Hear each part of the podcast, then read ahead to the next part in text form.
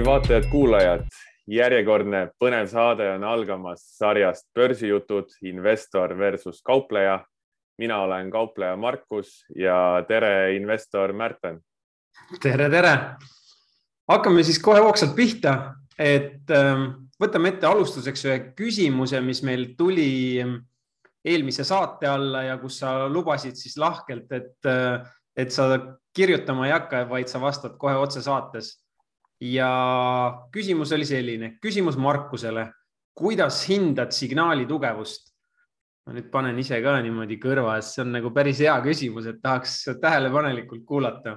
see on jah hea küsimus, ma hakkasin äh, eelmise saate kommentaariumis sellele vastust kirjutama ja siis kustutasin ära, mõtlesin, et on äh, parem see teemaks võtta ja siin sinuga arutada aga esimene mõte, mis mul sellega tekkis, et äh, miks me üldse tahame seda signaali tugevust hinnata, et miks see vajalik on. esimene asi on see, et äh, ilmselt tahame tõsta oma võidumäära, et oleks tihemini õigus seda signaali kasutades.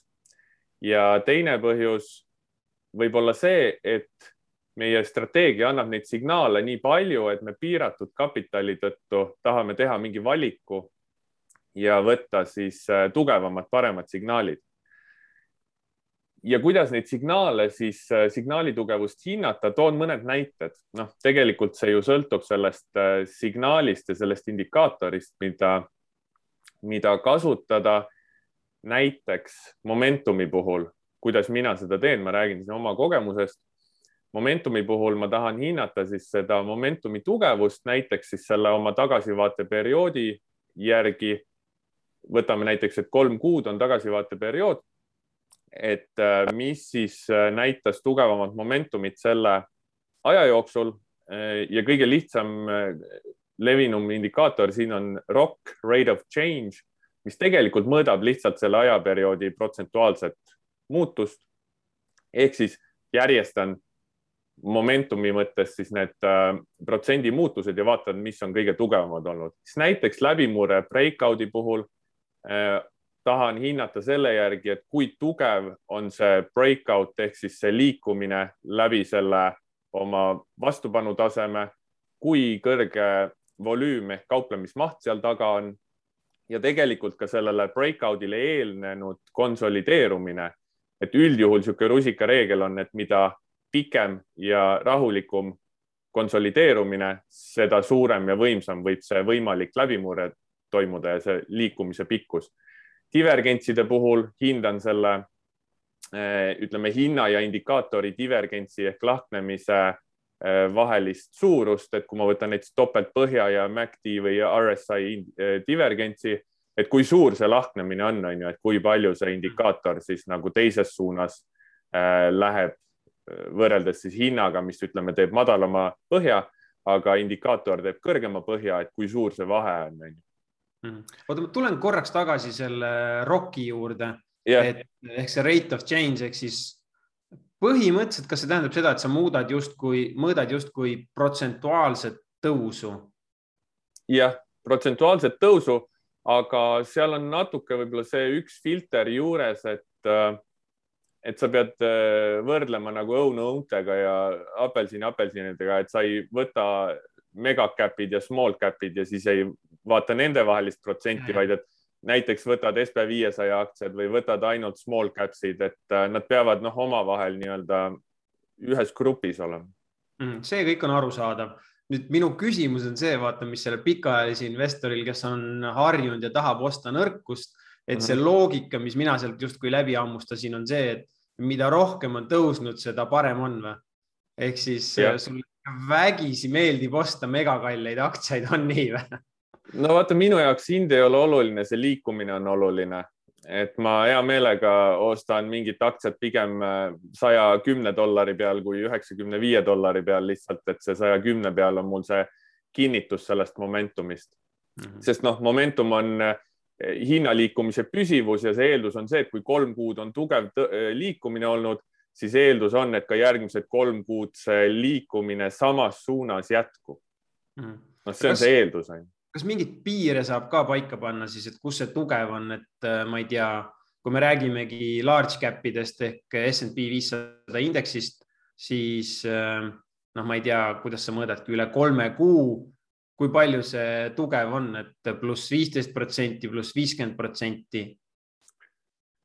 Üldjuhul jah, see nüüd oleneb natukesest grupist, et large cap'id SB viiesaja omadel see protsendu, protsentuaalne liikumine on üldjuhul madalam kui siis äh, mikro või small caps idel, aga jah, niisugune viisteist, kakskümmend protsenti ROK, ütleme ROK kakskümmend ja ikkagi sellest numbrist olulisem on see omavaheline võrdlus see, et äh, mingil perioodil võib-olla on need viiskümmend, nelikümmend, kolmkümmend, mingil perioodil on nad kakskümmend, kümme, viis, et, äh, et see oleneb, kuidas kogu see grupp parajasti liigub mm. -hmm.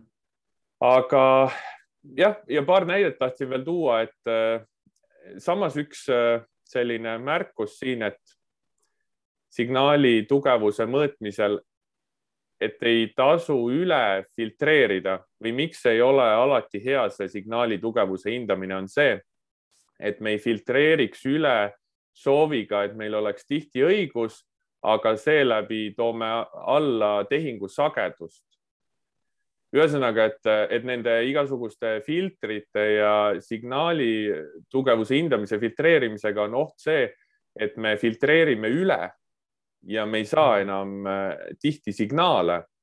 ja minu selline üks kogemus, mis ma oma kvantanalüüsi käigus olen aru saanud, on see, et sul võib olla väga hea strateegia, aga kui ta annab sulle harva signaali ja ainult näiteks paar tehingut aastas, siis tegelikult teine strateegia, mis oma parameetrite või tulemuste järgi on nagu oluliselt kehvem strateegia, aga ta, tal on kõrge tehingusagedus Äh, näiteks annab iga nädal sulle signaali, siis kokkuvõttes sa teenid rohkem raha.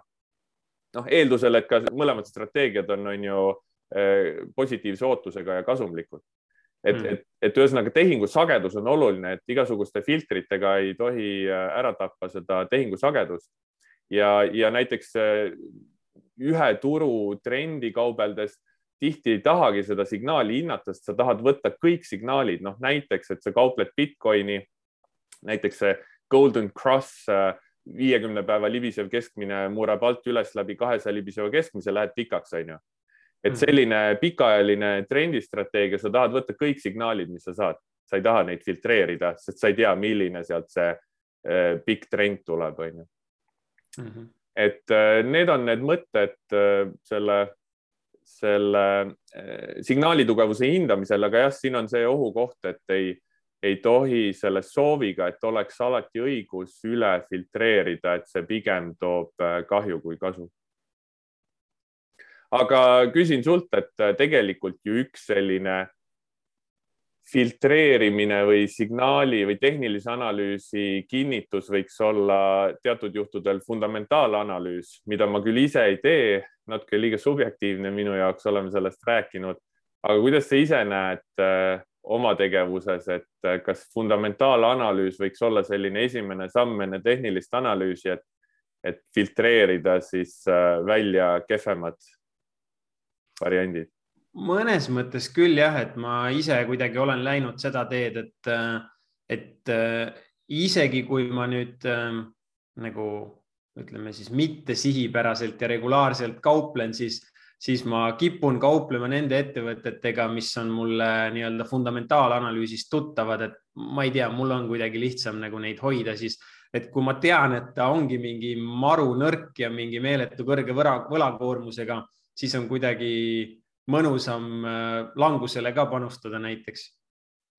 aga mm aga noh, kui sa niimoodi küsisid, siis tegelikult äh, mul praegu kohe tuli meelde see, et, et, äh, et kuidas ma mõnes mõttes siis fundamentaalanalüüsi kasutades seda signaali tugevust hindan.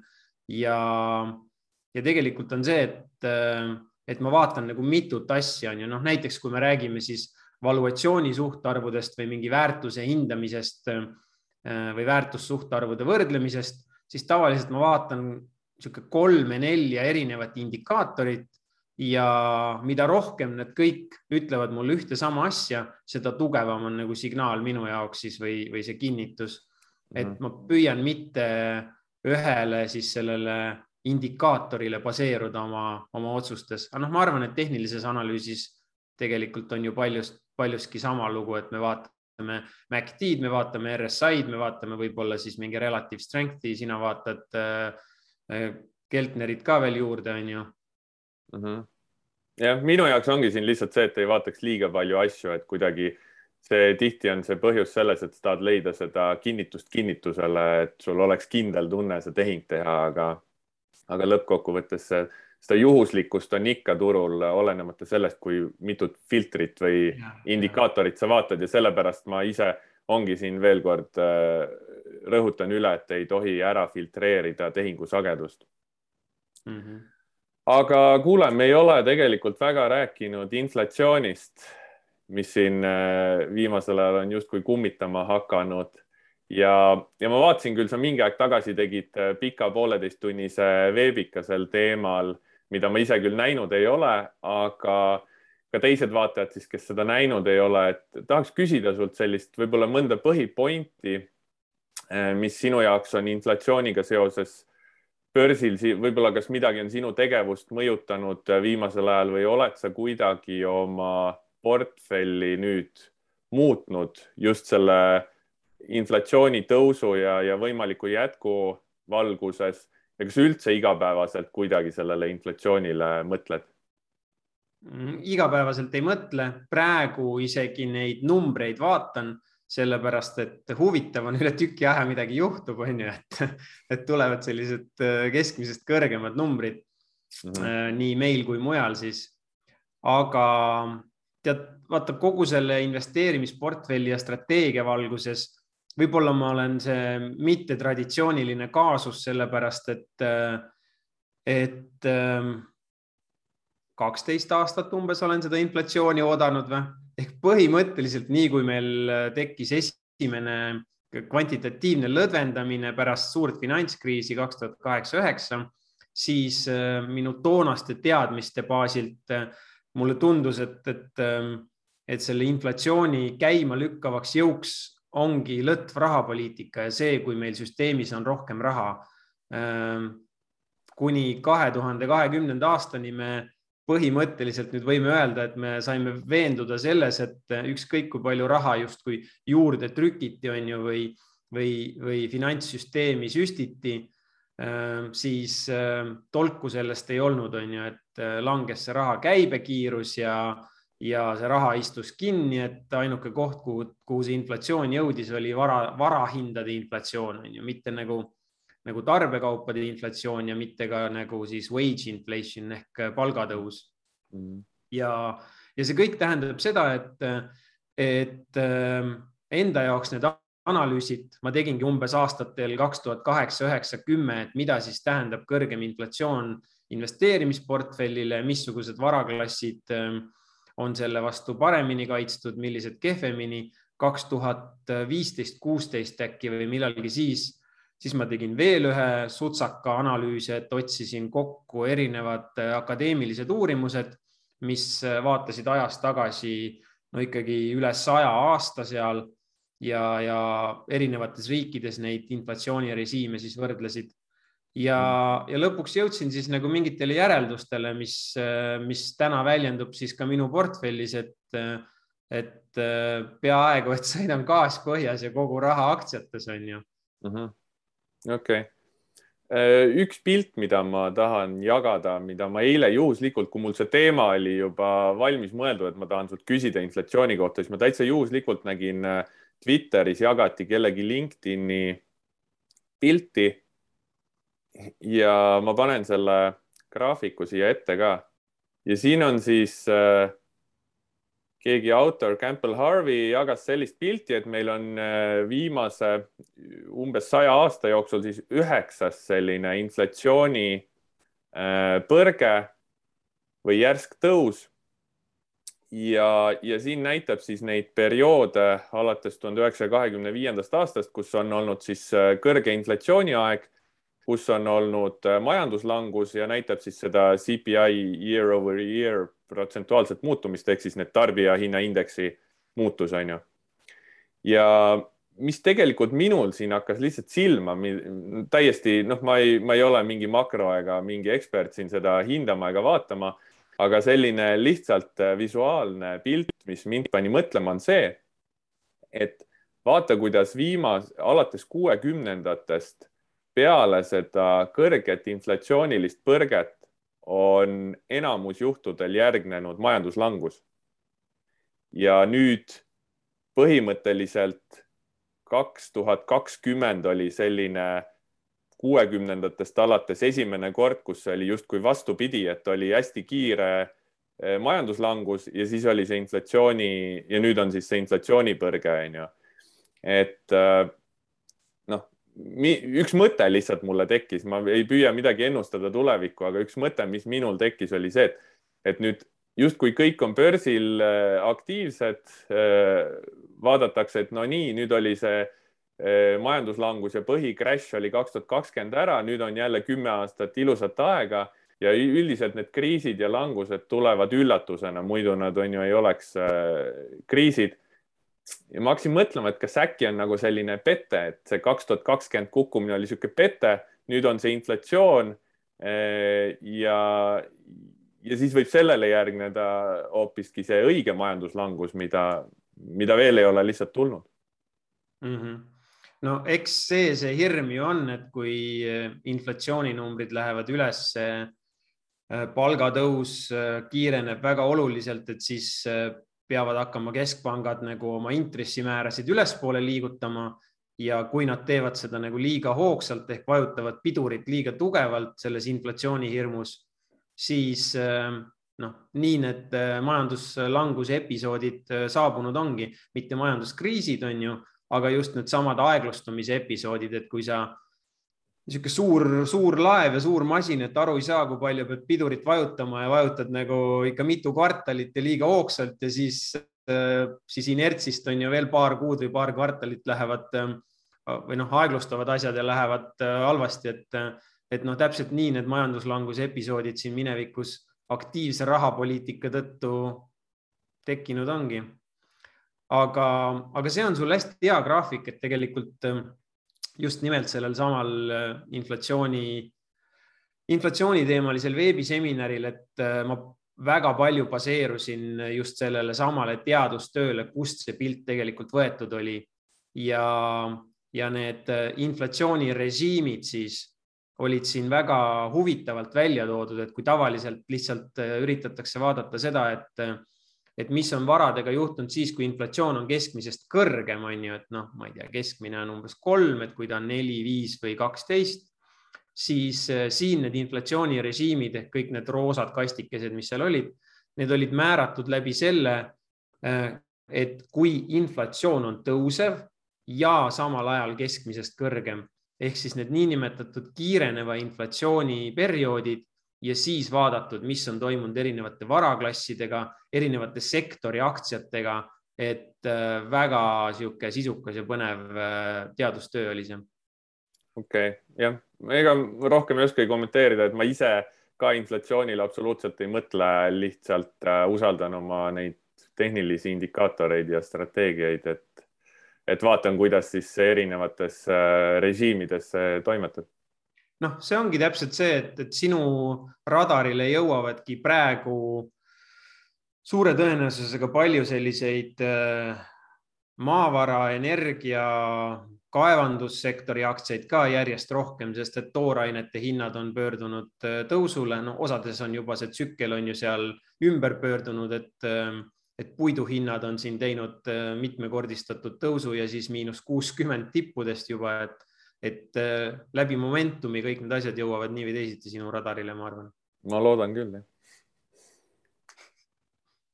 Äh, midagi ma tahtsin veel selle inflatsiooniga seoses öelda, ahhaa, tegelikult nagu, mis täna oluliseks muutub, siis äh, kirjutasin sellest viimases postituses ka natukene, aga, aga noh, nüüd, kui meil on Eesti viimane inflatsioonimäär oli seitse protsenti aastas, siis, siis tasub enda jaoks korraks nagu läbi mõelda, et et kui ma hoian oma portfellis võlakirju, mis siis, no mis iganes eesmärgil need sinna on sattunud või muid selliseid laenu investeeringuid on ju, et, et sa oled kellelegi andnud välja laenu ja saad selle eest fikseeritud intressimäära ja, ja inflatsioon nüüd äh, on siis tõusnud võib-olla üle selle intressi tulumäära, mida sa saad, siis äh, tasub nagu korraks enda jaoks läbi mõelda, et, et aga mis siis, kui on ju see inflatsioon jääbki nüüd mõneks ajaks kõrgemaks, kui, kui on see minu teenitud intressitulu on ju, et, et eks see on põhjus, miks valdavalt siis meil need kaks varaklassi inflatsioonilises keskkonnas kõige paremat kaitset näitavad, et aktsiad ja, ja kinnisvara et seal meil on siis see upside ka olemas, on ju.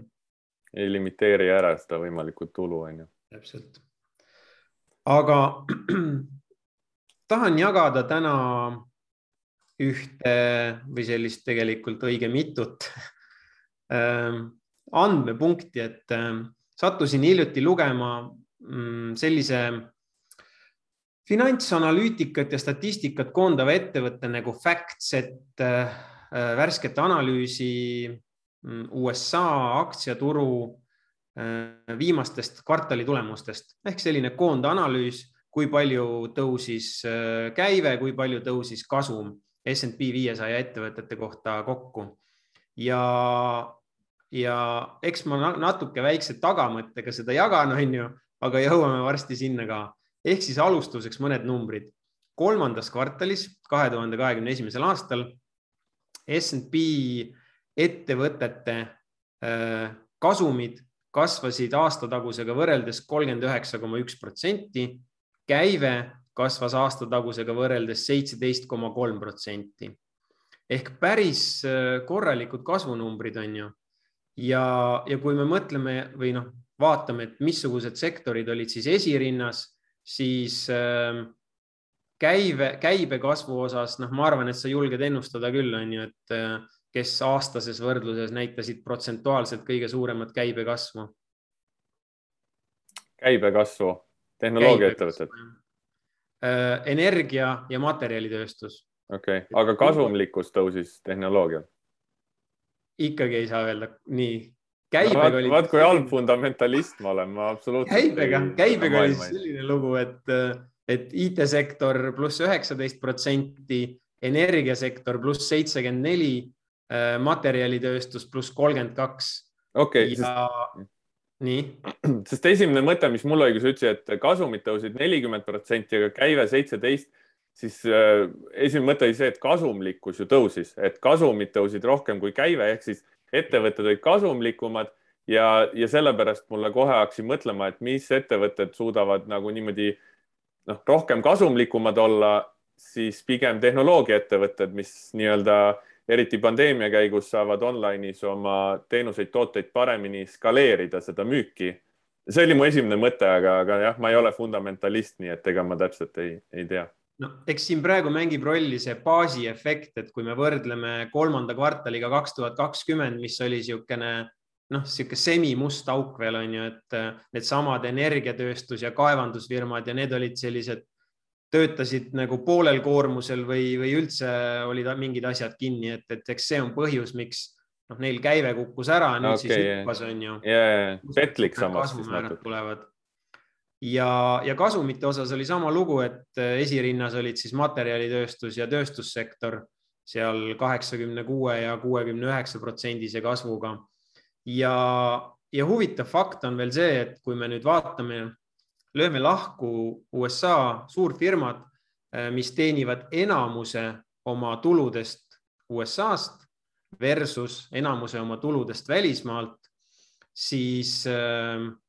need, mis teenivad enamuse oma tuludest eh, Ameerikast, nende kasumid kasvasid kolmandas kvartalis kolmkümmend kaks protsenti. Aga need, mis teenivad enamuse oma kasu, kasumist või käibest USA-st väljas, nende kasumid kasvasid viiskümmend kaks protsenti. Mhm. ehk äh, üllatav, äh, üllatav aspekt minu enda jaoks. ja, ja kui me vaatame nüüd kokku, et kaks tuhat kakskümmend üks, mis on ootused nende samade käibe ja kasumi kasvumäärade osas, siis SNP tasandil tervikuna oodatakse, et äh, kaks tuhat kakskümmend üks saab olema käibe osas niisugune viisteist, kuusteist protsenti parem ja kasumid aktsia kohta kasvavad äh, nelikümmend neli koma kuus protsenti võrreldes kahe tuhande kahekümnenda aastaga. ehk siis see kogu see tagamõte, mis mul siin niimoodi neid numbreid äh, välja hõigates on olnud peas, on see, et, et et noh, kas need aktsiad on siis täna nii kallid, on ju. et jah, meil on aktsia hinnas olnud tõus. Kui palju on SNP täna tõusnud aasta algusest võrreldes mingi kakskümmend viis peast, tead sa? noh, ma arvan, et kaks, kakskümmend viis, kuus, seitse võib-olla.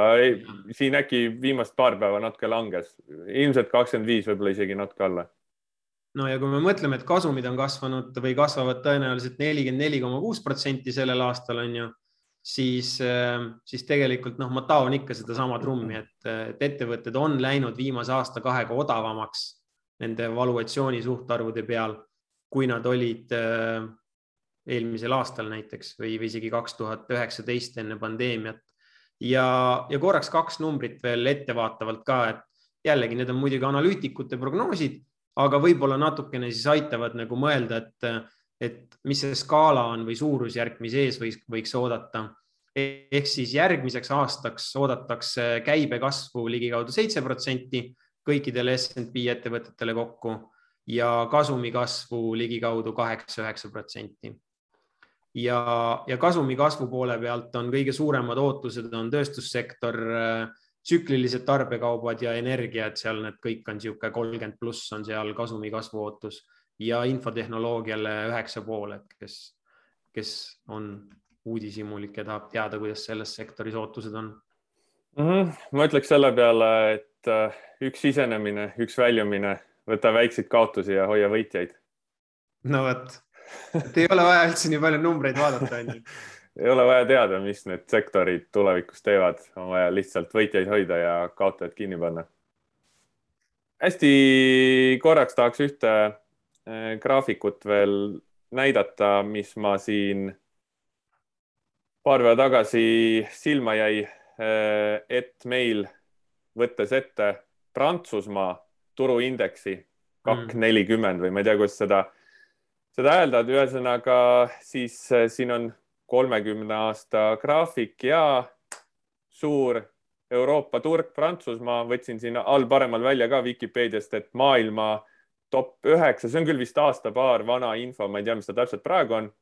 aga siin siis top üheksa äh, aktsiaturg maailmas suuruse poolest ja tegi uue kõigi aegade tipu peale kahtekümmend ühte aastat ehk siis kahe tuhandenda aasta rekord võeti nüüd ära Prantsusmaa mhm. turuindeksil, mis lihtsalt äh, noh, minu jaoks on huvitav, et ei ole see, et kõik lendab ja lihtsalt äh, viska raha sisse ja vaata, kuidas tõuseb, et äh, päris nii vist igas riigis ei ole või kuidas sa seda kommenteerid?